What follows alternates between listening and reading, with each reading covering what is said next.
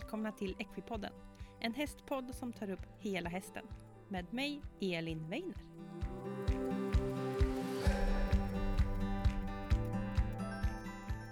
Hej alla Equipodden-lyssnare och välkomna till veckans avsnitt. Eh, jag ska börja med att säga att veckans avsnitt sponsras av Johanna Åkerberg. Och Johanna hon är utbildad equipat och arbetar med hästar. Och eh, ibland kan det vara väldigt svårt att veta när man ska ta ut en terapeut eller kanske en veterinär eller en hovslagare om man har ett problem hos sin häst.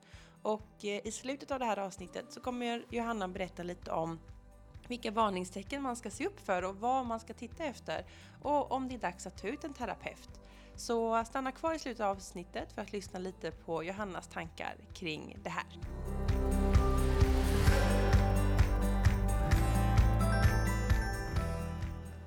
Sådär, då är det ett nytt avsnitt av Equipodden och idag så ska vi prata om eh, tömkörning och eh, jag har ju lovat att jag inte ska sitta själv så jag har med mig en vän. Hej Malin! Hej Elin, kul att vara med! Kul! Och eh, Malin heter du, Malin Trommelslind och eh, hästtjej och eh, vän med mig, typ. Lyxigt både och. Ja, visst. Och det roliga är för att du är ju också en väldigt duktig fotograf. För om man har tittat lite på mina sidor och det har varit bilder med tömkörning så är det faktiskt du som har tagit dem. Det är sant. Det har också varit väldigt roligt. Mm, det är kul. Och du har ju en egen häst och, och rider och sådär. Mm. Och eh, vi träffades ju första gången för att du köpte ju häst av mig. Jag sålde en häst som du köpte. Mm. Så då träffades vi och det är ju typ 2013 va? Ja, det stämmer. Någonstans. Så att eh, vi har hängt ihop ett tag. Och framförallt så har jag ju fått äran att tömköra din nuvarande häst också. Mm. Tömköra in henne till och med. Ja, precis. För det var inte så enkelt. Nej. Ehm, Så det här avsnittet ska handla om tömkörning och eh, jag har ju frågat er lyssnare vad ni vill att jag ska prata om. Och eh, då gjorde jag ju ett avsnitt nummer 87 av Equipodden som eh, är era frågor om tömkörning del 1. Men jag hann ju inte med så då tänkte jag att eh, vi gör ett avsnitt till. Och eh, det är ju tråkigt att bara ha en röst så därför då så är Malin här och ska vara intervjuare av mig idag. Hittvingad. ja precis. Nej. Så eh, det blir spännande. Men jag tänkte vi kunde börja lite grann för att eh, i förra avsnittet så fick jag faktiskt en fråga som tog upp om alla hästar går att lära att tömköra. Och eh, jag tänkte vi skulle ta tillbaka den därför att eh, Malin, din häst som heter Zoe, eh, det var inte så lätt att tömköra in henne. Och eh, jag tänker vi kan berätta den historien lite grann. För eh, hur gammal var hon då? Då var hon eh, ja, 14, 15, Mm. något sånt där. Så hon var ju ändå liksom vuxen. Mm. Och eh, hoppad mycket, tävlad. Hoppning Mm. väldigt mycket. Det är ganska högt va? Framgångsrikt. Ja. Eh, och eh, kan man tycka att det borde inte vara något problem men eh, hon var ju extremt bakskygg. Extremt bakskygg och väldigt lite tillit till människor. Mm. Det var inte en enkel kombination. Nej, eller hur? Och eh, sen hjälpte det väl kanske inte att vi väljer att börja typ i februari. Eh, I, eh, ja men ni vet hur det är i Göteborg. Eh, det var väl snöblandat regn och några plusgrader typ och vi var i paddock. Ehm, men eh, vi började och då, då handlade det ju så himla mycket om att bara vara lugn.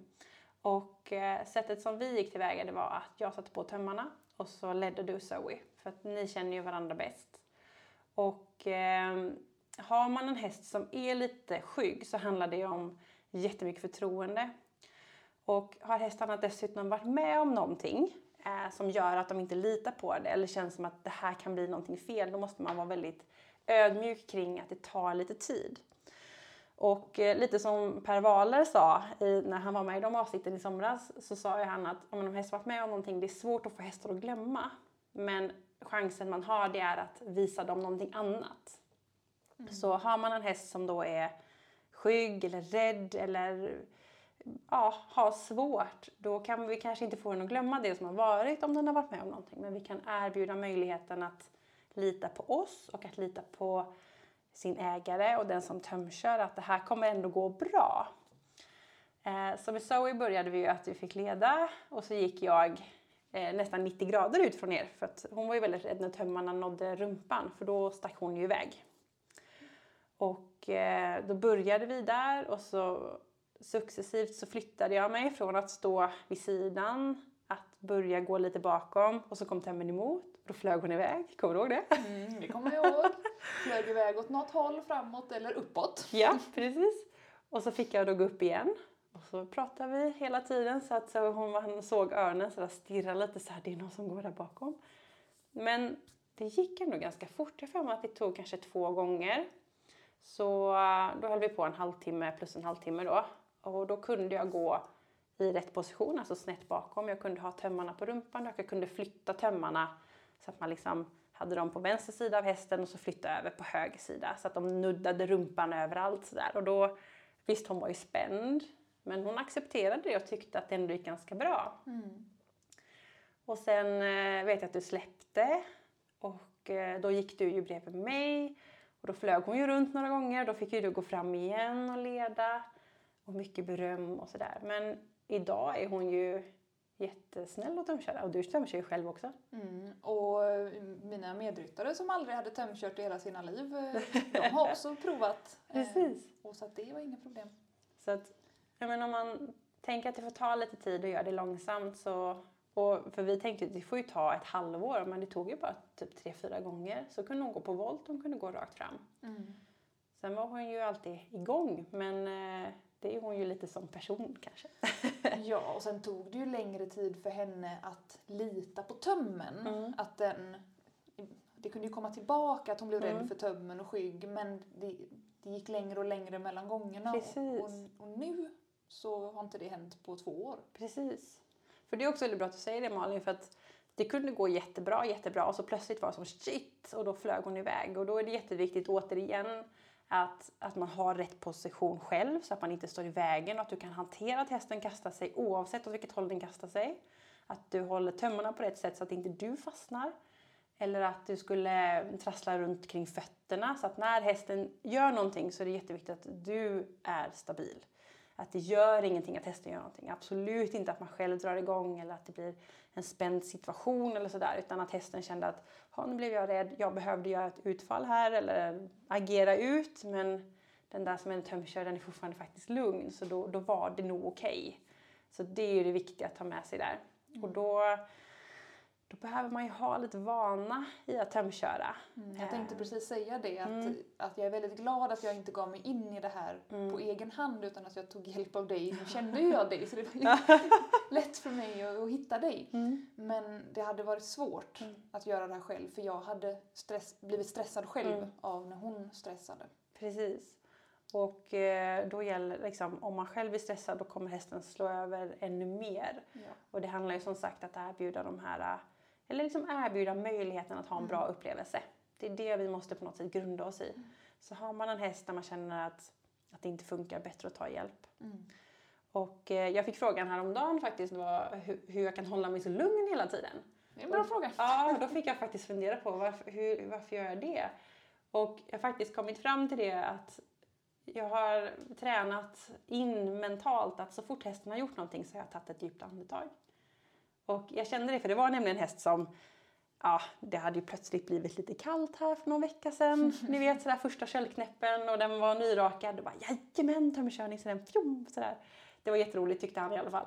Och, och då, kom, då frågade hon så här, hur håller du dig lugn sen när han håller på så här? Jag bara, det är ingen fara. Då tänkte jag, men gud jag tar ju ett djupt andetag så fort han gör det.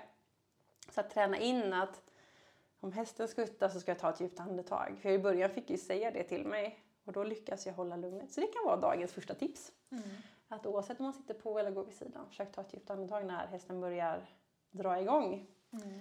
Och det är faktiskt också lite när man rider, vissa tränare säger ju att man till exempel ska sjunga när Ja, man rider. Och det är för att komma ihåg Yes. att andas och att hålla takten. Det tänker jag ibland på när jag tömkör. Mm. Jag ibland gå Smart. sjungandes och så här få in en takt liksom. få in en takt. Eller om det är att jag känner nej men jag blir lite spänd eller Precis. lite spänd. Jätteviktigt. För man, man även om man tycker att man står vid sidan så signalerar man väldigt mycket framåt eh, till hästen. Mm. Och det är också, jag tror att många hästar tycker att eh, nu ska de gå först. Mm. Om man sitter på eller leder då är liksom då är matte med, det är matte som ändå är före mig, det är matte som bestämmer och speciellt om man leder så kan jag smita in lite bakom så kan Mm. många tycka. Eh, så många unghästar är ju nästan det som är det jobbigaste för dem att gå själv först. Att den som bestämmer är så långt bak. Eller nu gör jag sådana snufföron då för långt bak det är ju inte 20 meter utan det är kanske 2, 3, 4, 5 meter. Men det blir ändå det här mentala för dem att nu ska jag gå först. Så det måste man också ha med. Och om jag själv börjar spänna till då kommer hästen att säga oh shit nu är det någonting som jag inte fattar så jag behöver ha koll på det och då kommer de kanske att reagera. Mm. Så att eh, mycket mentala grejer. Och det var också en lyssnarfråga jag pratade om förra gången faktiskt. Där. Mentala tips. Så sjunga, ta ett djupt andetag. Så mm. att eh, ta kontroll över sig själv. Mm. Andningen är ju viktig för den här medvetna närvaron ja. och den måste man ju ha med hästar. Precis. Så det är Jätteviktigt. Tips. Och känner man lite som du känner Malin, att, för du hade ju listat ut innan du ens började tömköra att tömkörning kommer inte gå så bra. så även om man kan lista ut innan eller om man börjar första gången och det går inte, ta bättre hjälp då. För risken att det händer någonting är ganska stor om man inte själv är lite hype på det här med tömkörning och framförallt att hålla tömmarna kanske mm. eller positioner eller tömsättningar som ger utrymme för att hästen ska kunna göra något utfall till exempel. Ehm, då finns det risk att det blir ytterligare dåliga upplevelser. Mm. Och vi måste erbjuda bra upplevelser för att det ska bli bra för hästarna att gå bra på tömmen. Så ja, eh, en liten intro kan man väl nästan säga. Men vi har en del lyssnarfrågor idag också och eh, det är Malin som har dem. Så ja, vi får, vi får se vad som kommer helt enkelt. Ja, men vi kavlar upp ärmarna här och börjar. Ja. Mm. Och då undrar någon, eller säkert många här då, hur får man upp hästen på yttertömmen utan dragkamp? Ja, det här är ju nog nästan den vanligaste frågan man får. Det är en så bra fråga. Jag vill också veta ja, precis. Och jag tror att många som känner det att man kanske tömkör på spåret eh, eller framförallt på volt och hästen går utåtställd. Och eh, när hästen går utåtställd så kommer bågen falla inåt och eh, hela hästen lutar inåt. Och så går man där och bara, hur gör jag nu? Och det, det är nog det man syftar på här för att det man oftast gör då är att man drar yttertömmen eftersom att hästen lutar ju inåt. Så jag måste ju räta upp hästen. Och eh, eh, det är sant delvis, vi ska komma in på det. Men det är det den här personen menar då, att få upp hästen på yttertömmen för att om hästen inte är lagd till yttertömmen så kommer hästen då titta mer till ytter. Tar du yttertömmen så kommer den, åha, gud vad trevligt, så kommer den ställa sig ännu mer utåt och så går bågen ännu mer inåt och så går den, ja ni kan ju få den mentala bilden. Men, väldigt det, här, det handlar alltså om hur den balanserar sig på sina ben egentligen? Precis. Mm. Och då gäller det att lära hästen hur den ska hantera. Och eh, på tömkörning handlar yttertömmen väldigt mycket om att hästen ska gå till ytter. Och eh, på mina hästar som jag alltid haft har jag tränat väldigt mycket på det och det har hjälpt mig väldigt mycket i ridningen för att då får jag väldigt mycket gratis. Men jag vill lära att när jag tar i yttertömmen på tömkörning då, om jag står på marken, tar i yttertömmen, då vill jag att hästen ska flytta sig till ytter. Eh, jag vill inte att hästen kanske ställer sig utåt i första hand utan jag vill att hela liksom, hästens kropp ska gå till ytter. Och vi ska prata om skolor sen och vi ska prata om skänkelvikningar och hur man får hästen att flytta sig och då är det yttertömmen som gäller att när jag tar yttertömmen, positionerar mig rätt så ska jag kunna göra skänkelvikning med hästen. Är det lite ehm. samma tänk då som du tar med dig på volten till exempel? Att det Precis. handlar om hur du tar yttertömmen och hur du positionerar dig för att den ska falla tillbaka Precis. utåt och rätta, upp sig. rätta upp sig. Precis, för det blir, det blir väldigt lätt att det känns tomt i ytterhanden och då måste jag få hästen att rätta upp sig och gå rätt. Och eh, om man går på volten och hästen är utåtställd då ser det mest ut som att bågen faller inåt. Men om man tittar på ryggen på hästen så kommer man antagligen se hela ryggraden på den. Om man har en häst som gör halt framför sig, då ser man halsen och man ser bogen och sen ser man magen och sen ser man liksom rump, ena rumphalvan. Du ser inte själva ryggen och du ser framförallt inte andra höften på hästen. Men om hästen går på volten och inte tar yttertömmen, då kommer den falla på bogen och du kommer se liksom rygg, alltså ovansidan på ryggen, ryggraden, kommer du se vänd mot dig. Och tittar man på rumpan framförallt så kommer du se liksom båda skinkorna mm. kan man säga. Och det är det vi ska undvika. Och då måste vi komma upp på yttertömmen. Och då finns det lite olika vägar. Um, och då handlar det först om att man måste lära hästen att gå till yttertömmen. Och då är det övningar som gäller. Då är det, då är det skänkelvikningar och öppnor som gäller. Mm. Och ehm, vi ska gå in lite mer på dem. Men när jag går på volten och känner att hästen faller inåt. Då är det viktigaste att inte dra mer i yttertömmen. Släppa lite på yttertömmen kanske till och med. Yes. Mm.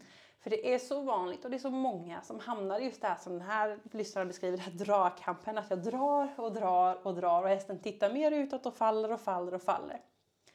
Vi måste på något sätt förstå vad som händer, vad vi kräver av hästen när den går på volt. Och när jag kräver att hästen ska gå på volt, då ska den ställa sig inåt. Går jag i vänster varv så ska hästen då ställa sig till vänster. Det betyder att hästens innersida på volten, alltså vänster sida, måste korta sin muskulatur och spänna ihop sig för att den ska bära sig. Medan yttersidan måste länga sig. Så musklerna på yttersidan måste bli längre och musklerna på insidan måste bli kortare.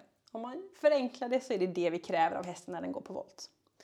Och ehm, då är det så om du tar för mycket på ytter, då kan hästen inte länga sin yttersida. Då kortar man istället yttersidan. Exakt. Mm. Och då får man en kort yttersida och en lång innersida, alltså tvärtom. Och eh, det är väldigt, väldigt lätt att man hamnar i det här dragläget. Så det första man ska testa det är att släppa på ytter. Försök att ta lite mer på inner. Och eh, det som antagligen kommer hända då är att hästen går in mot dig. Men eh, ibland händer inte det. Ibland så kommer faktiskt hästen att wobbla lite granna och sen kommer den liksom huh, komma in i balans. För hästen vill ju gå i balans. Oftast är det så att vi ryttare eller vi som kör puttar hästen lite ur balans för att vi försöker hjälpa och det är inte alltid man ser eller alltid man kan. Och speciellt när man tömkör och står en bra bit bort så är det svårt att förstå hur mycket man tar i yttertömmen. Eh, För när jag sitter på vet jag hur mycket jag tar men har man inte tömkört så mycket så är det svårt att veta i handen hur mycket är för mycket. Mm. Ehm, Så testa börja det. Släppa lite på ytter, ta lite på inner och eh, se vad som händer. Mm. Ehm, Sen har jag ju pratat om att ha ett ledande tömsättning på innerhanden. Och då går tömmen från min hand genom bettet på hästen och så tillbaka till jorden. Och eh, då kan jag välja att eh, leda innerhanden, alltså att jag tar handen framåt i hästens färdriktning.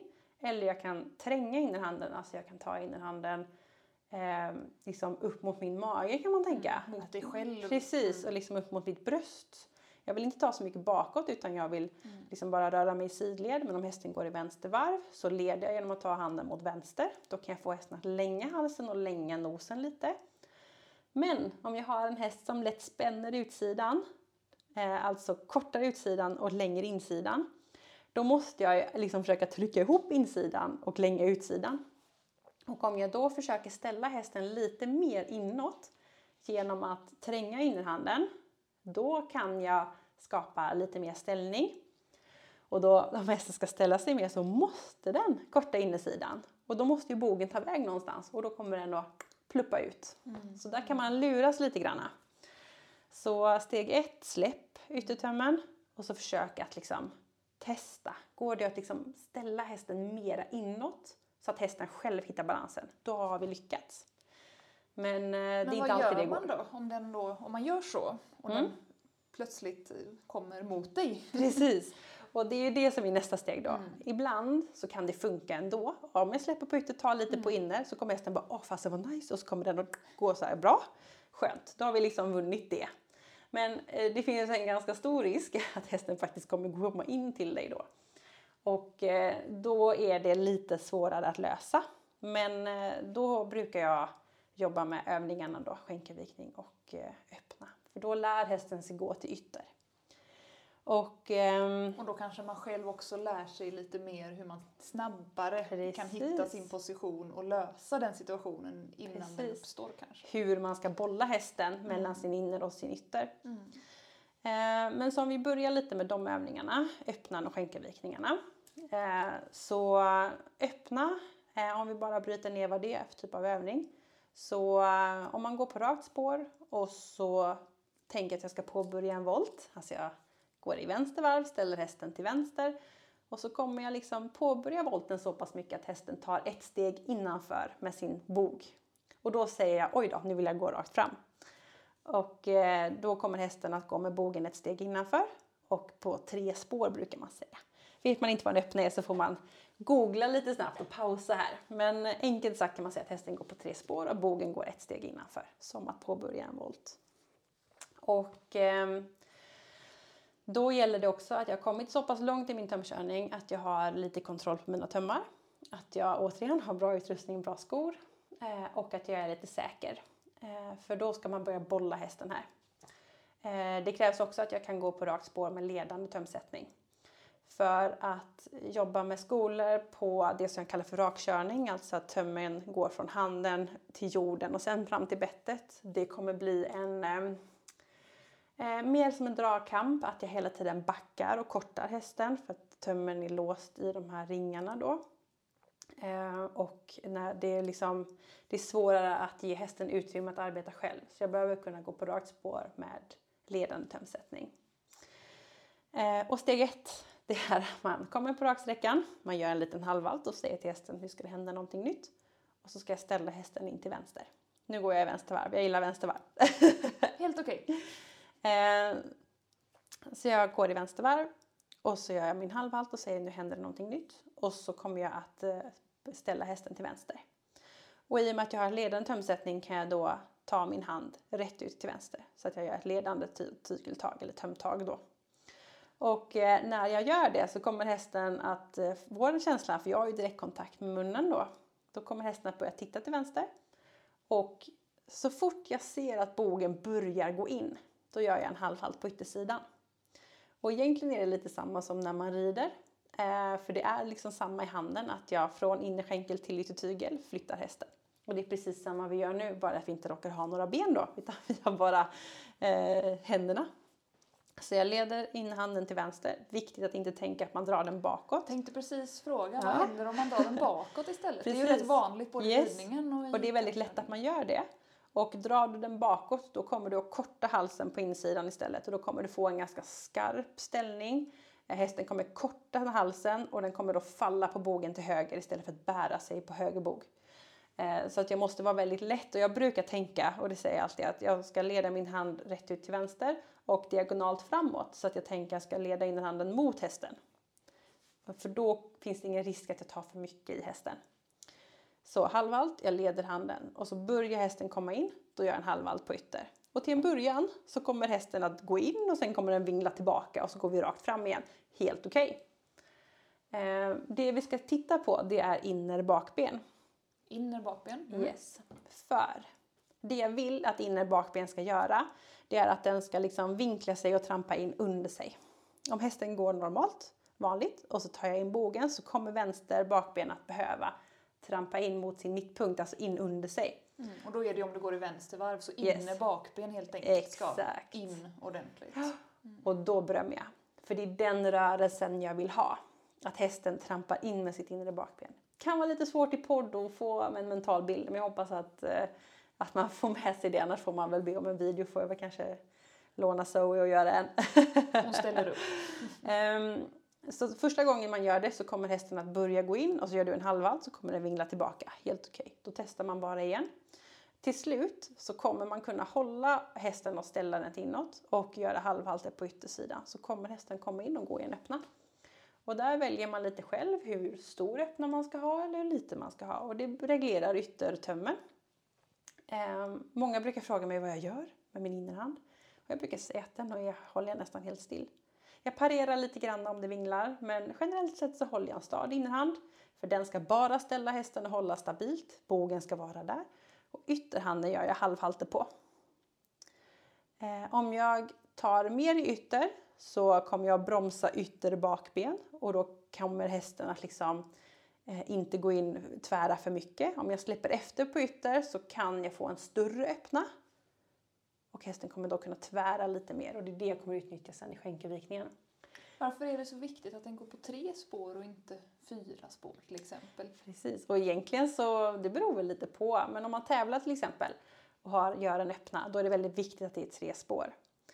Eh, när man gör en skänkelvikning sen, då börjar hästen liksom tvära med sina ben och korsa över sina ben. Så om du vill göra en öppna, så se till att den går på tre ben, eller på tre spår, inte på tre ben och att det inte blir att hästen börjar korsa över. Eh, jag brukar ofta prata om det, många frågar hur gör man för att bli duktig på att tömköra? Och då säger jag, ja men ett handlar om att eh, kunna hantera tömmarna, kunna balansera hästen och liksom hantera hela situationen. Men nummer två är faktiskt att vara rätt påläst. Om du ska göra en öppna, då behöver du veta vad en öppna är. Och är du inte helt säker, då får man läsa på innan. Eh, ska du göra en skänkevikning då får man läsa på vad en skänkevikning är.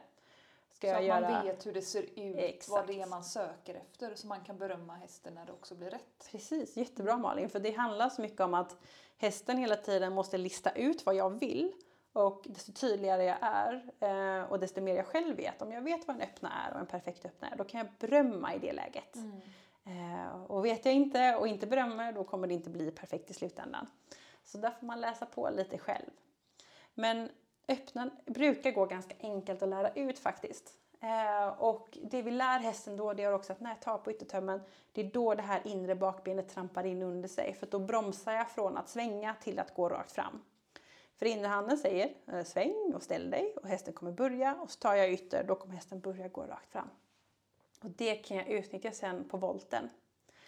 För går jag tillbaka in på volten då så har jag en häst som springer utåtställd och lutar jättemycket. Ja, kul för mig tänker jag. Jag testar att släppa efter yttertömmen och ta lite in när det funkar inte, hästen kommer till mig.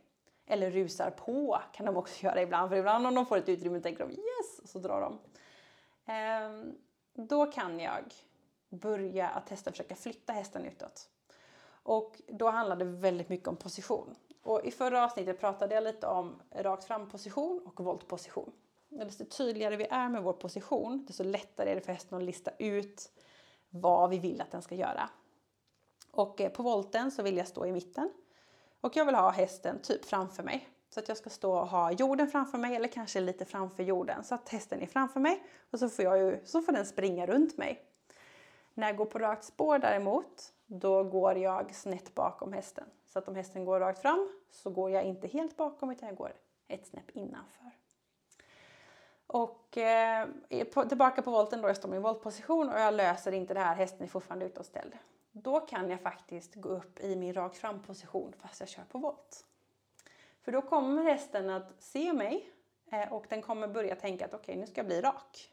För har jag varit tydlig med det här så vet hästen på volt i volt och rakt fram i rakt fram. Så ställer jag mig i min rakt fram position så kommer hästen automatiskt att rätta upp sig lite och tänker jaha, okej, okay, var ska jag nu? Nu ska vi kanske rakt fram. Fast jag fortsätter gå på volt och det handlar om att jag leder med min innerhand då. Och då kan jag göra halvhalter på yttersidan. Och då kommer hästen faktiskt att börja tänka, jaha, jag ska flytta mig, för det har jag ju tränat på precis på långsidan.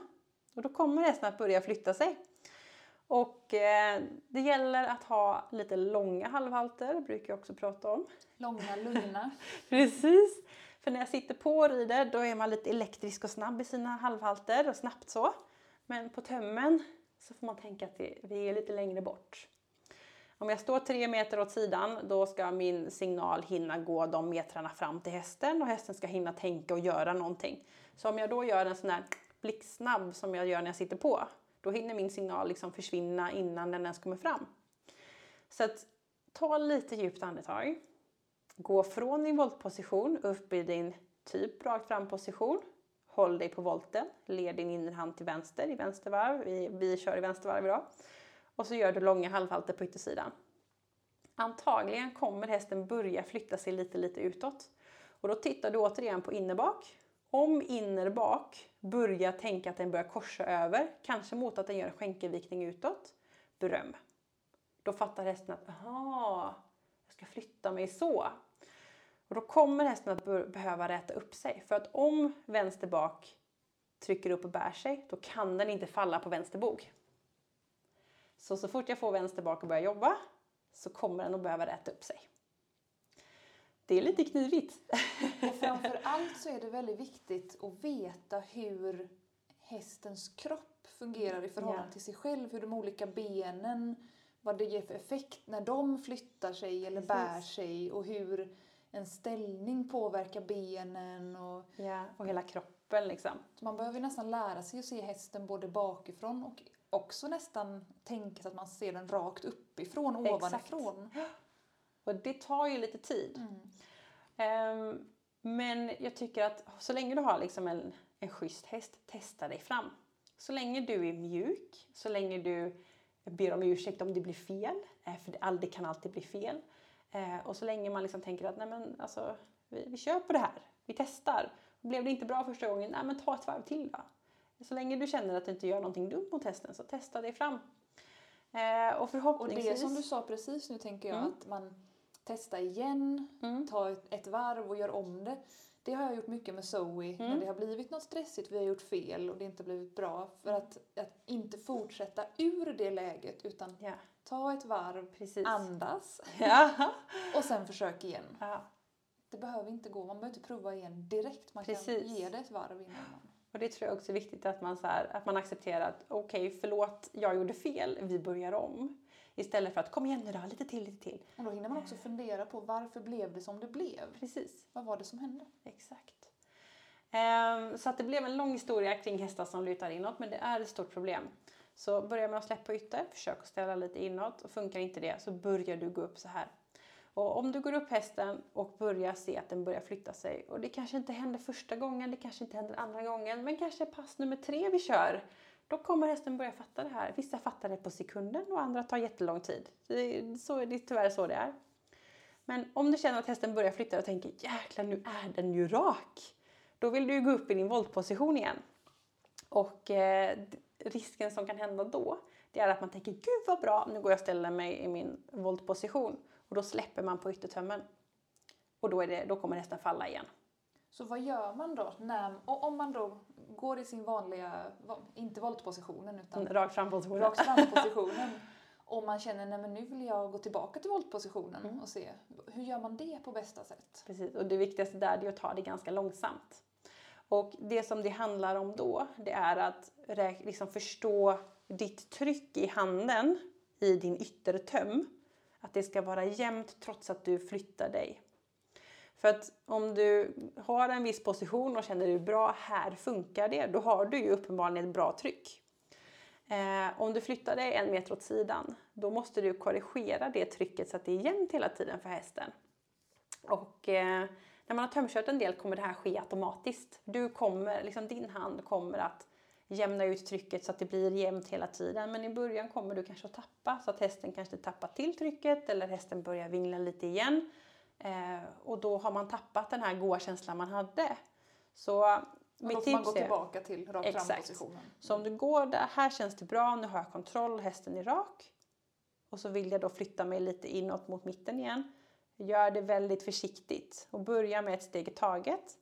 Har jag, liksom, ta ett steg, har jag med mig hästen, bra, då testar jag lite till. Låt det gå några steg, ett halvt varv kanske, innan du tar nästa steg inåt. För det är svårt att, att ha samma tryck och flytta sig in liksom, till en ny position.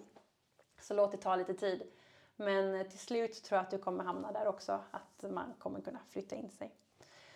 Ehm, jag vill säga också att eh, det är väldigt viktigt att man är väldigt mjuk i sin yttertöm. För risken om man blir för hård, och det var lite där vi började, men även här när vi går upp, om vi håller för mycket ytter, då kommer hästen ställa sig utåt. Så att du måste vara väldigt lyhörd för att hästen vill länga sin yttersida. För att du måste komma ihåg att för att ställa hästen till vänster så måste den länga högersidan och korta vänstersidan. Då måste jag ge hästen utrymme för det. Då måste jag länga min yttertöm så att hästen kan länga. Och det handlar inte om att ge efter så att det liksom blir slappt och slakt, alltså tömmen fladdrar. Utan det handlar om ganska små millimeter så att hästen ändå kan flytta sin kropp. Och du ändå har kontakt. Och det är väldigt svårt i början. Det jag upplever att eh, kontakten med hästen på töm är, en av de största utmaningarna. att, det är det. att hitta rätt och vad är för hårt och vad är för slappt. Och Precis. så att det, Och just att man flyttar sig. Och det, ser, det är så många nybörjare, det är så himla, det är alltid lite roligt faktiskt. Man går på rakt fram och så hjälper man den så här. Känns det bra nu? Ja, ah, det känns bra. Ja, det känns liksom som att hästen drar lite händerna. Så här, där hästen är där, bra. Och så kommer man till hörnet och ska svänga. Och då kommer människan inte att göra en så fin handpassering som hästen utan människan kommer liksom snedda lite i hörnet och då tappar man kontakten. Fattar ingenting. Så jo, du har ju flyttat dig i förhållande till hästen.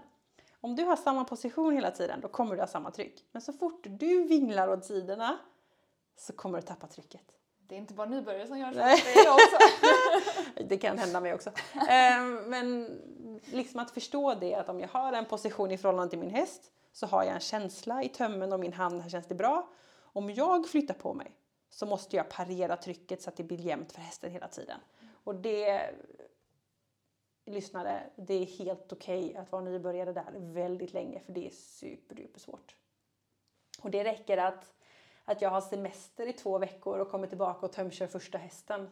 Då är det så här, just det, jag tappade lite där. Att det, är, det är en sån färskvara den känslan i handen alltså. Eh, och det är ju inte, jag tömkör ju ja, men, fem hästar i veckan liksom, minst. Eh, det är klart att känslan ligger, det är som den som rider fem hästar eller fem pass i veckan liksom, jämfört med en som inte rider alls. Så, Man får vara lite snäll mot sig själv. Och... Precis, och förstå att mm. det, det, är, det, här är, det här är avancerade grejer. Det här det är, är supersvårt. Precis. Mm. Men det jag tycker ändå är så roligt det är att du kan bli duktig på att köra din häst. Du kanske inte är duktig på att köra alla hästar. Men du kan lära dig din häst. Och har du en häst som har problem att gå inåtställd på volt, alltså den lutar utåt och det blir en dragkamp. Då kan du ändå lära dig att köra din häst på rätt sätt på volten genom de här övningarna. Jobba med öppnor och tänka på volten. Alltså släppa på ytter, försöka ta på inner, gå upp i rak framposition, försöka få hästen att flytta sig utåt, försöka göra en skänkelvikning eller utåt så, eh, så kommer det liksom att funka i längden. Så att, eh, ja. Men att man absolut tänker ta inte mer i ytter. Precis. Det gör man ju så lätt. När det gud. Mm. Men det är precis som när man rider så sitter man ju fast där ändå. Varför funkar det inte? Ja, man kanske ska släppa den tygen så funkar det bättre. Och vi har ju alla fått höra det någon eller några gånger. Ta ja. mer ytter, ta mer ytter. Ja. Ta som att det skulle vara lösningen på alla. Precis, det, det är inte alltid det. Och eh, framförallt att hitta det här dragläget. Mm. För jag måste ha stöd där, men jag får inte ta för mycket. Jag måste vara mjuk nog att jag ska kunna ge hästen 2, 3, 4 centimeter. Och då är det centimeter töm. Och då tänker man, det är ju inte mycket jag behöver flytta min hand för att hästen ska få några centimeter. Så att det är så otroligt små hjälper. Det är också, nu kommer vi in på många nybörjarmisstag här, men det är så otroligt många som tänker nu ska jag tömköra, jag har 14 meter töm eller jag ännu värre 16 meter töm. Jag står så långt ifrån hästen, hästen är 1,78 hög och den rusar runt och man yvar. Och jag har det här långa spöet med mig och så bara händerna går åt alla håll och jag drar till höger och hästen svänger höger och shit nu blir det för mycket höger, tar ännu mer vänster. Då kastas hästen till vänster och då måste jag parera och så tar jag trippelt så mycket höger. Alltså det är så stora rörelser och det, det, kan se lite roligt ut när man börjar och hästen är såhär jaha nu går jag hitåt och nu går jag ditåt, okej okej och, och matte efter så ah! det ser så roligt ut. Så djupa andetag, ta det lugnt, kom ihåg att andas själv, fokusera på dig själv och så är det super små rörelser. Titta gärna på någon film när jag tömkör. Det är inte ofta man ser vad man gör med händerna. Alltså. Man kan också filma sig själv när man tömkör och sen jämföra det med när du tömkör Elin. Och så, det har jag gjort. Det har du gjort det? det var bra. Det såg inte likadant ut kan jag säga. Nej, men det, är så, det är så små rörelser. Eh, och det är många som säger det till mig att så här, det syns inte om jag gör en öppna eller om jag gör en skänkelvikning eller om jag samlar eller om jag svänger. Det syns liksom inte. Eh, och det är så små hjälper som krävs. Och eh, egentligen så är det inte, jag rör inte händerna mer som jag skulle sitta på. Det var ju här nu inte så alls länge sedan så jag red Zoe.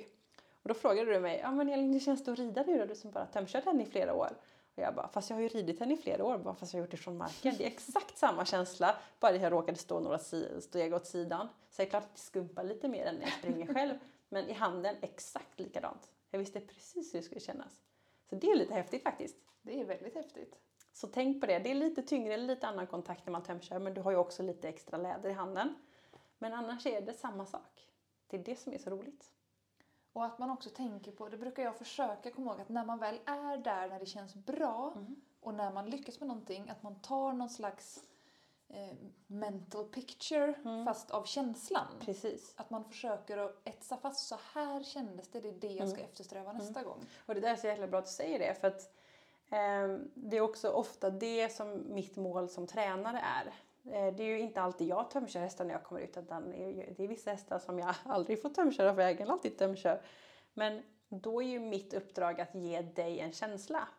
Och eh, ibland kanske jag går med spöet och um, liksom hjälper hästen lite granna så att ägaren får, jaha det är så här det ska kännas. Och då handlar det om att bra, då har du fått den här känslan, det var rätt känsla, den ska du leta efter själv sen. Eh, Och då vet man liksom lite hur det ska kännas. Så det är väldigt viktigt att komma ihåg det, försöka spara den känslan. Även om det kanske är svårt när man är själv, om man har haft en tränare. Det är det. Men eh, då vet man ifall man ska leta efter. Mm. Ehm, ja. Är det något mer vi behöver säga om att falla på yttertömmen? Och det jag har pratat om nu det är i trav, inte i galopp för då jobbar jag på ett lite annat sätt. Ehm, vi kanske ska ta det också. Det är väl lika bra. För att i trav så tycker jag att ehm, där är det viktigt att vara mjuk på ytter så att hästen verkligen eh, bär sig. Men då har ju hästen en annan takt jämfört med galoppen.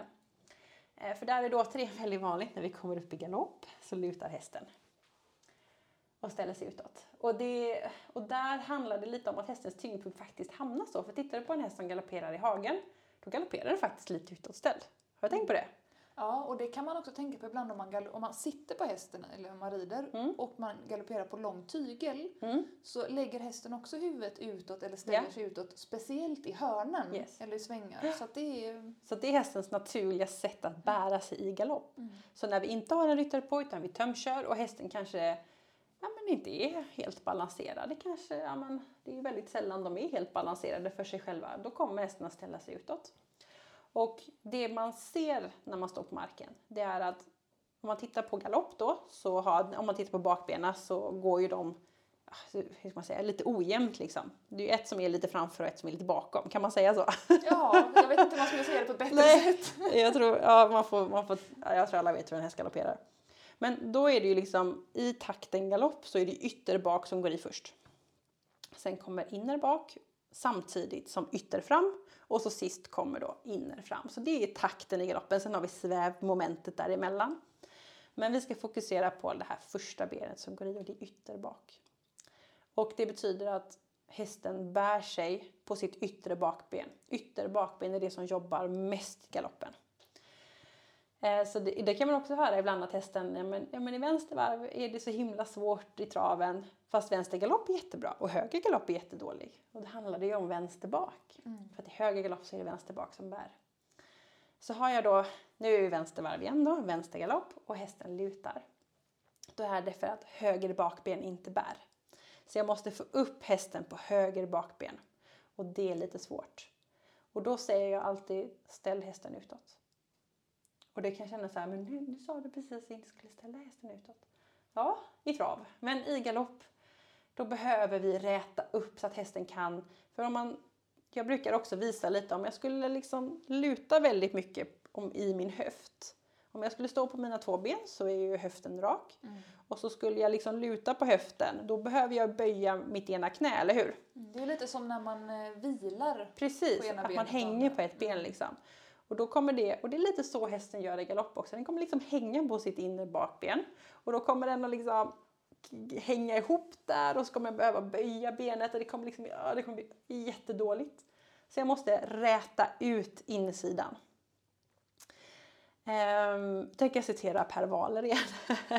Om, han sa att om jag har en eh, sida som är lite blyg, kallar han den, alltså man inte fick riktigt stöd, då ställer jag hästen utåt och det gör jag i galopp. Så om jag galopperar och hästen då hänger inåt och lutar, så ställer jag den utåt. Så jag ger efter på innerhanden, men jag leder fortfarande med innerhand så att hästen fortfarande håller sig på volten så att den inte springer någon snett igenom och då får jag skjuta efter och grejer, det blir jobbigt. Så att man får liksom inte släppa helt, men jag leder ändå släppa efter så att jag kan ställa hästen utåt. Och så får man försöka driva lite så att inte hästen saktar av, för nu kommer det bli jobbigt för den. Mycket lättare att bara springa runt och liksom bara hafsa runt med benen än att faktiskt bära och jobba. Va? Så ställ hästen utåt. Om du har möjlighet, ha ett litet spö mot rumpan.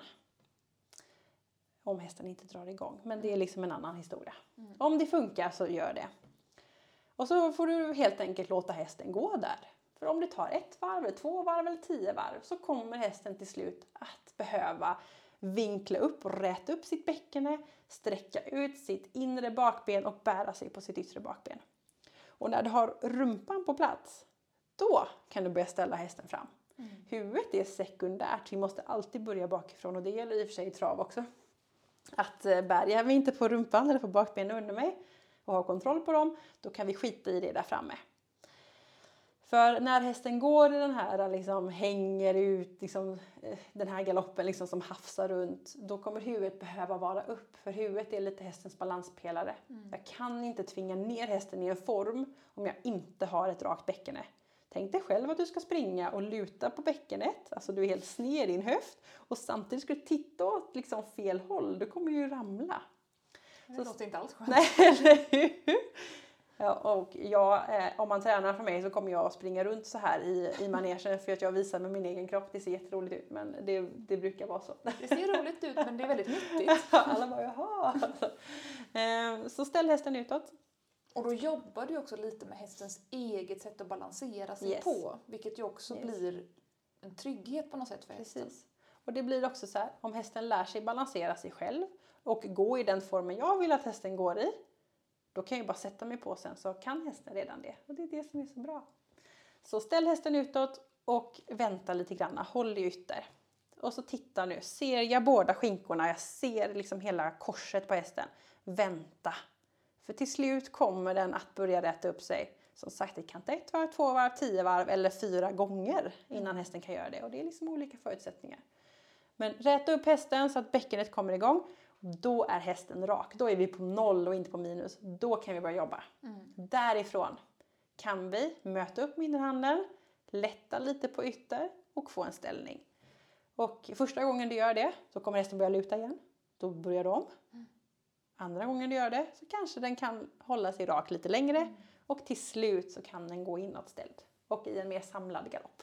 Och att man försöker hitta då den här fina balansen i sina egna Yes. tömtag. Att hur, Yes. När tar jag tillräckligt mycket och lite för att inte Precis. putta över den inåt men ändå Ja. att den ställer sig och böjer sig. Precis.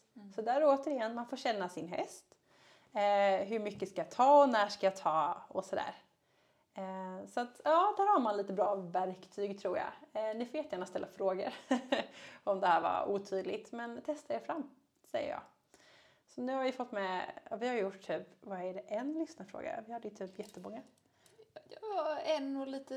En och en halv. Ja, något sånt kanske. Ja, nej men vi, vi kör väl nästa då. Mm. Så kommer vi framåt. Ja. Och då vill vi veta varför tömkörning är så bra i rehab, lösgörande och rakriktning. Mm. Eh, och jag tror att många har fått höra att man har varit hos veterinären och så bara, eh, jag har något, oavsett vad man har varit för problem så säger veterinären, gud vad bra att tömköra. Eh, och då, då säger jag så här, har du aldrig någonsin tömkört och har en rehabhäst, då kanske inte det är det bästa att börja då.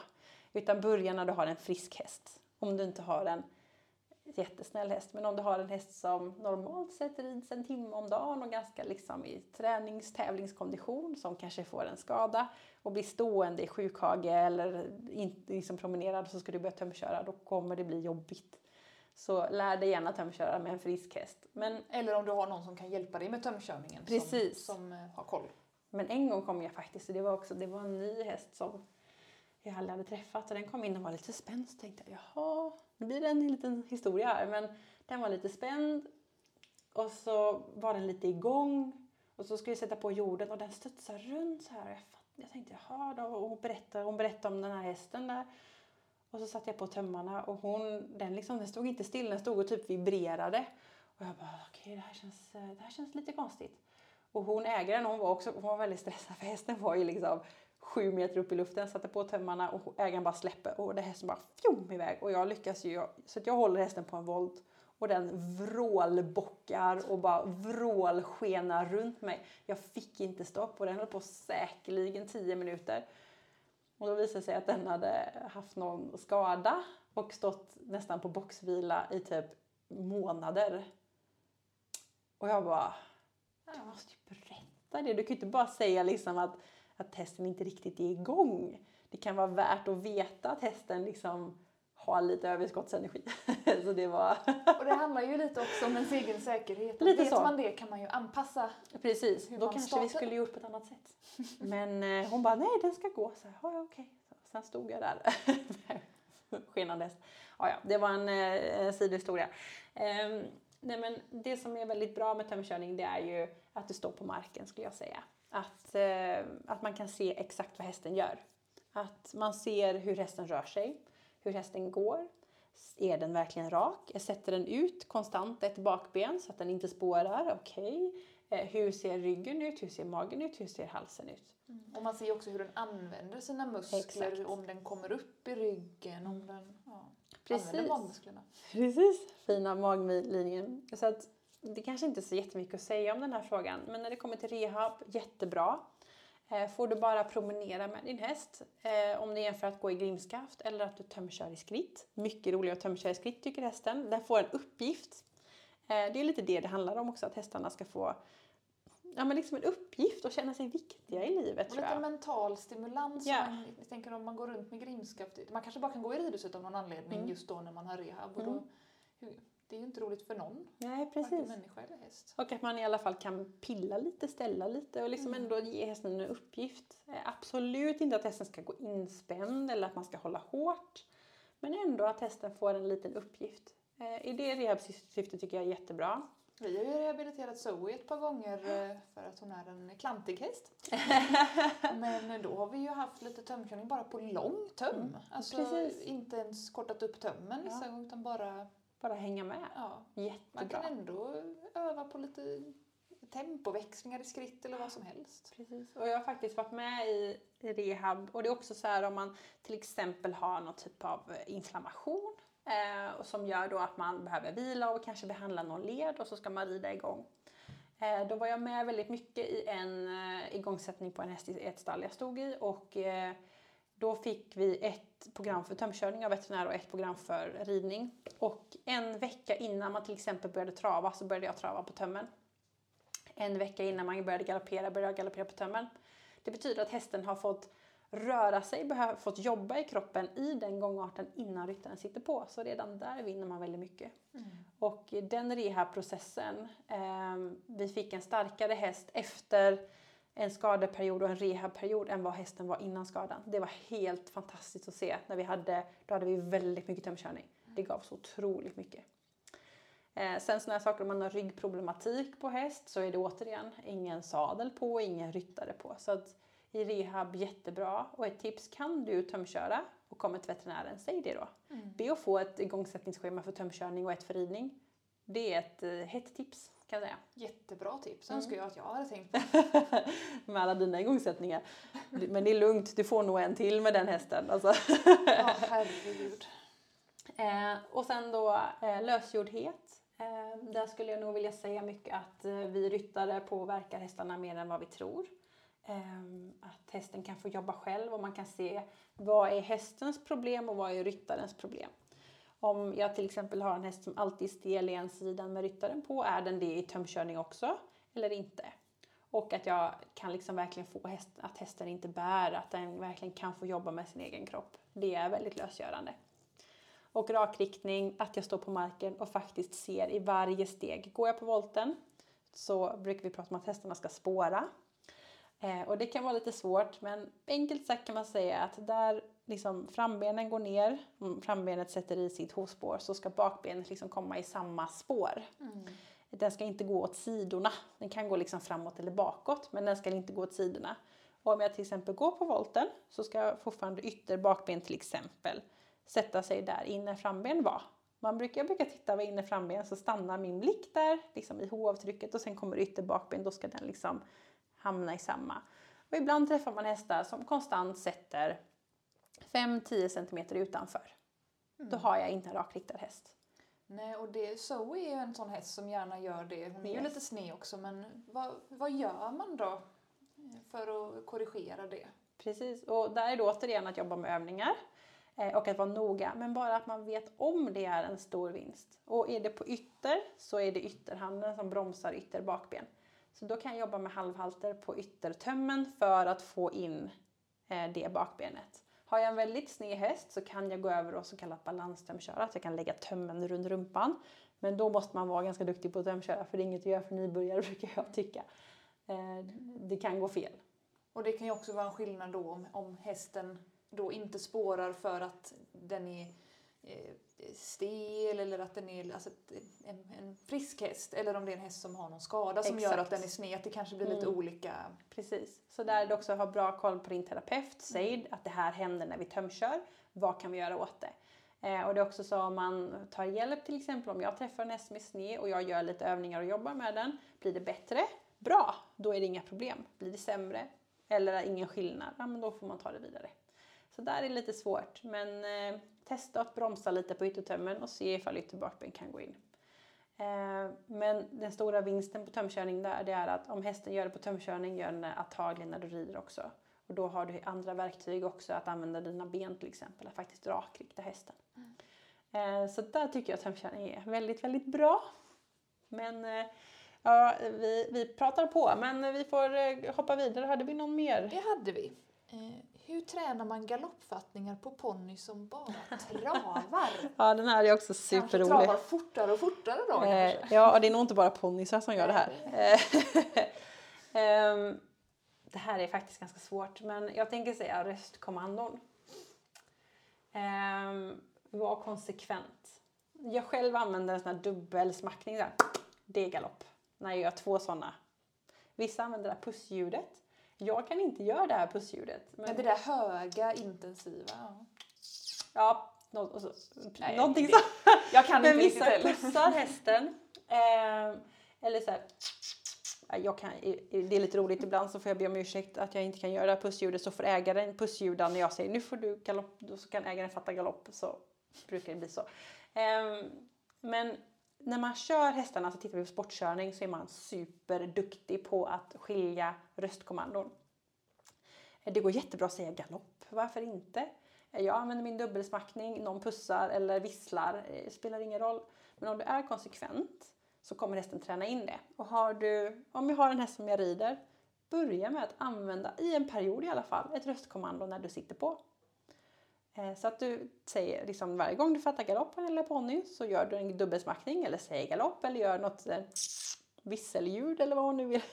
Bara man gör det på exakt samma sätt varje gång. Precis, för det är så vi lär in galopphämtningen på en unghäst. Vi fattar galopp, går in i galopp och så berömmer vi supermycket. Så då gör vi samma sak på töm.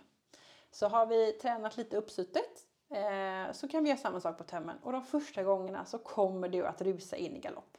Men då får det vara så då. Om du gör ditt röstkommando, han kanske använder spöet lite grann och hästen går in i galopp. Beröm jättemycket. Och sen börjar du bara om. Och så igen och igen.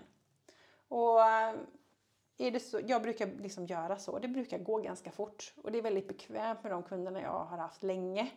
Um, där jag bara gör de här ljuden så, så gör hästen det. Jag till exempel gör så här, tsch, det är mitt öka-ljud till exempel. Så gör jag en travökning så kommer jag det tsch, och då drar de alltid iväg. Eh, och det var faktiskt roligt för att eh, jag var ju med dig igen då i Zoe eh, och då var hon lite långsam och då gjorde jag mitt galoppsmack och hon bara jädrar så fick hon sån himla fart. och då var det liksom så här, då var det ryttare på dessutom fast mitt smackljud ändå, hon kände igen det. Eh, så är man konsekvent så kommer det gå bra.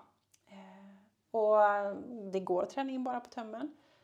Tycker man att det är svårt eller att det verkligen inte funkar, ja, men börja uppsuttet då. Om man rider hästen. Rider man inte då får man fortsätta traggla på marken. Men var konsekvent och välj ett ljud som liksom är för er. Hur viktigt är det att man eh, inte gör samtida andra saker med händerna? Tänker du i galoppfattningen? Ja. Jag tänker om man då har en ponny som bara travar, eller en häst som travar, mm. travar, travar, travar. Mm. Och vad, jag tänker hur, hur ska man tänka om sig själv i det läget? Precis, jag tror att många eh, släpper att man liksom så här, nu ska vi in i galopp, då går det fort och då släpper man. Och då blir det också det här att från att ha, eh, nu blir det, alltså jag pratar så mycket anekdoter, men det blir en anekdot till. Eh, jag brukar säga att om du är ute och går med ett barn, alltså ett litet barn, 3-4 år, och så går du över en parkeringsplats eller varför inte gå i skogen och så håller du barnet i handen, då kommer barnet gå bredvid dig, eller hur? Och om du inte håller i handen, vart är barnet då någonstans? Iväg framför dig. Borta. Typ i något dike mm. exempelvis. Och det är precis samma yttertömmen på tömkörning. Mm. Det är att hålla hästen i handen. För då blir det liksom att du är tydlig med att någonting ska hända. Och ja, nu då ska jag ha den här lilla ponnyn och den bara vråltravar och jag ska in i galopp. Då är det så lätt att jag släpper på allting och så bara jag jagar hästen så här, för jag vill ju ha galopp. Gör inte det. Håll den i handen. Håll den i handen. Släpp inte den där jäkla yttertömmen. Så håll i var lugn själv och så gör du din galoppljud. Funkar inte det, hästen börjar trava på, bromsa. Igen. Galopp. Nej, blev inte. Bromsa. Andas. Exakt. Och ett till tips här, och det kan man använda egentligen när som. Om det blir fel någon gång, gör en halt. Det brukar jag också göra. Eh, jag gör en halt och bara, okej okay, hästen, det här var fel. Vi skiter i det och så börjar vi om. Ja, man får inte bli arg på hästen eller rycka hästen, men man gör ändå en halt, en markering att det här blev inte riktigt som vi tänkte oss, vi börjar om. För då får hästen så här, jaha, det här kanske inte var riktigt rätt. Så det kan jag testa också, men det kan vara lite svårt kanske när det är galoppträning. Men, och att man då också tänker på att man kanske gör, alltså att man tänker att man ska göra en lugn halt så att det inte blir en abrupt, att Precis, man utan man bara mm. sakta av, få tillbaka den, ta ett andetag, så börjar vi om. Och så upp i galopp igen. Mm. Och mm, där kan det också vara så här, för är man lite ny och kanske vill ha spö med sig i det här fallet, vilket man kanske behöver ha, då blir det också så här att du kommer ha spöet i din ytterhand då, eh, på volten. Och då kommer du att släppa yttertömmen och då blir det inte bra. Så ber någon vara med då. Om du håller i tömmarna och så ber du galopp och får ingen galopp, ja men då kanske du kan ha en hjälpare som kan komma med spöet bakom och vifta lite. Det är väldigt sällan jag använder spöet mot hästen, det räcker att slå lite i marken eller vifta lite eller sådär. Så då kan du fortfarande hålla kontakt på dina tömmar och så kan du be om att få en galopp. Och då brukar det kanske gå ganska bra. Mm. Så att, eh, det är nog eh, tipsen där tror jag. Håll ytter, djupa andetag, röstkommandon, träna in det, be om hjälp med spö. Och ge det tid. Ge det lite tid. Mm. Och börja uppifrån om det inte funkar. Faktiskt. Mm. Um, nu ska vi se vad vi har mer på listan här. Ja, vi pratade, det var en fråga om hur man lär in öppna, sluta och skänkelvikning. Och öppna har vi ju redan pratat Precis. om. Precis. Eh, för nu har vi pratat i en hel timme här så jag tror faktiskt att vi, vi lämnar skänkelvikning. Mm. Eh, öppna har vi pratat om. Eh, jag vill ge ett litet tips till där. Eh, och eh, det är eh, också ett misstag som är lätt att gå i. För när vi går på rakt spår så går hästen på spåret och så går jag ett snäpp innanför, eller hur? Och så gör jag en öppna och då är det otroligt många som smiter in bakom hästen. Ja, jag har gjort samma sak själv. Du känner igen att jag har ja. skrikit det va? Ja. ehm, händer alla, jag skojar inte. Ehm, men det som händer då är att du försvinner ur hästens synvinkel och då kommer hästen vilja titta lite så här. Du kommer också dra mer i inner och då får du det här vi pratar om att du kortar innersidan och att hästen kommer börja liksom så här bli för kort där. Ehm, så håll dig i din position när du börjar med öppna. Position, position, position. Yes, så att du går alltid. Och det är också det här, börjar du flytta dig så kommer trycket i dina händer att ändra sig och då blir det otydligt mot vad hästen ska göra. Så att jag tror, jag hoppas att det vart, eh, ja, jag hoppas det var tydligt.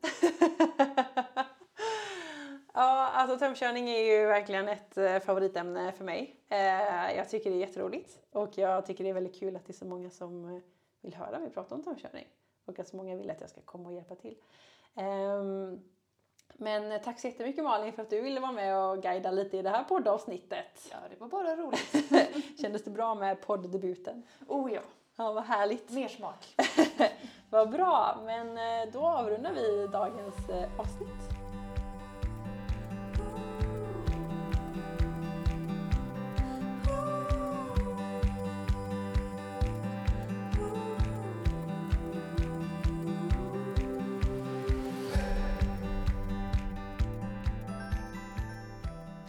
Sådär, då var veckans avsnitt eh, avrundat. Eh, tömkörning är någonting jag tycker är väldigt, väldigt roligt och eh, vill man se mer av min tömkörning så kan man gå in och följa mina sidor på sociala medier.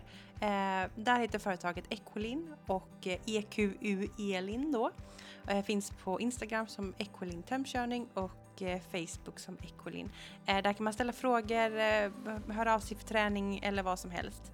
Det finns också ganska mycket bra inlägg med information att läsa. Och det är också bra att följa podden på sociala medier, Equipodden på Instagram och på Facebook. Nästa vecka i Equipodden så är det någonting som jag verkligen längtat efter. Jag har försökt väldigt länge få till någonting med fälttävlan. Eh, jag själv kan inte jättemycket om fälttävlan så det har tagit mig lite tid. Men nu äntligen så ska vi ha en grym eh, B-tränare med i podden som handlar om fälttävlan. Så eh, fartfyllt och lite häftigt avsnitt utlovas till nästa vecka. Eh, men innan vi avrundar det här avsnittet så ska vi komma tillbaka till Johanna Åkerberg där hon ska berätta om de här varningstecknarna. Så jag tackar för mig och lämnar över till Johanna. Så ha en trevlig vecka så hörs vi snart igen. Hej då!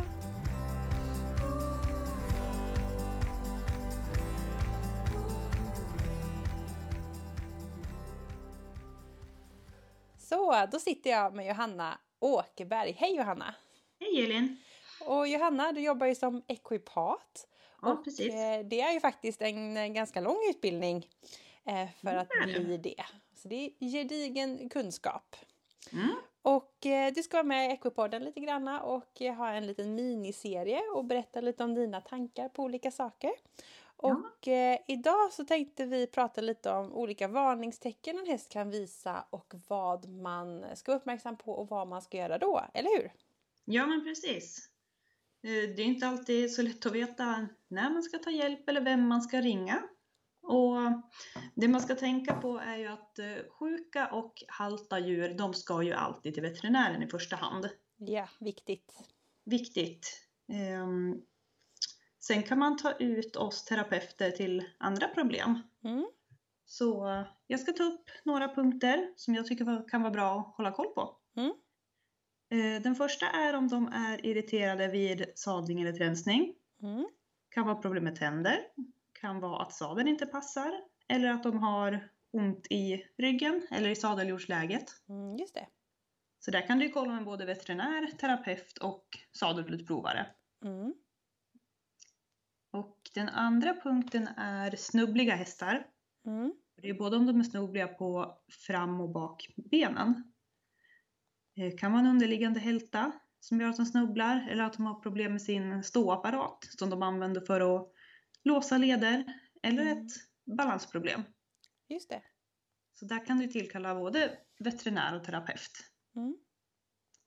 Eh, tredje punkten, om de har ovilja att prestera.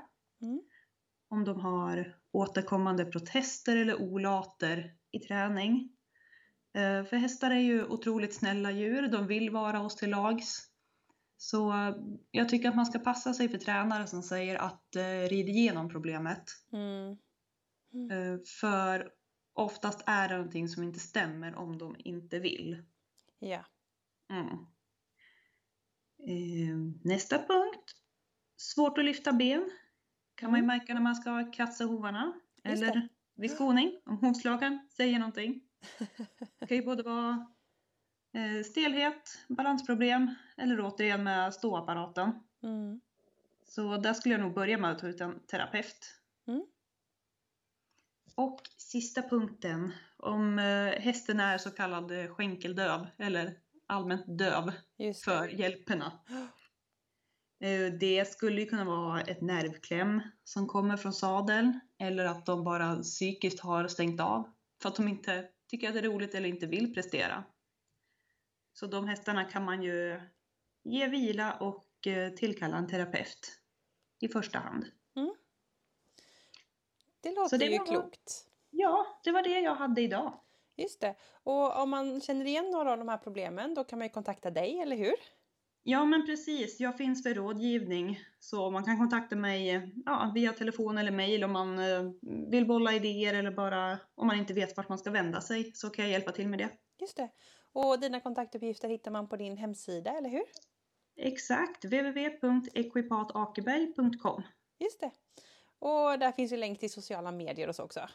Ja men precis, jag finns på Facebook som Equipat Åkerberg och på Instagram som Johanna Akerberg EQ. Just det. Men eh, toppen, då har ju man full koll på vart man kan höra av sig. Eh, ja. jättekul Johanna att du vill vara med och dela lite tankar i eh, Equipodden. Ja men tack för att jag fick vara med.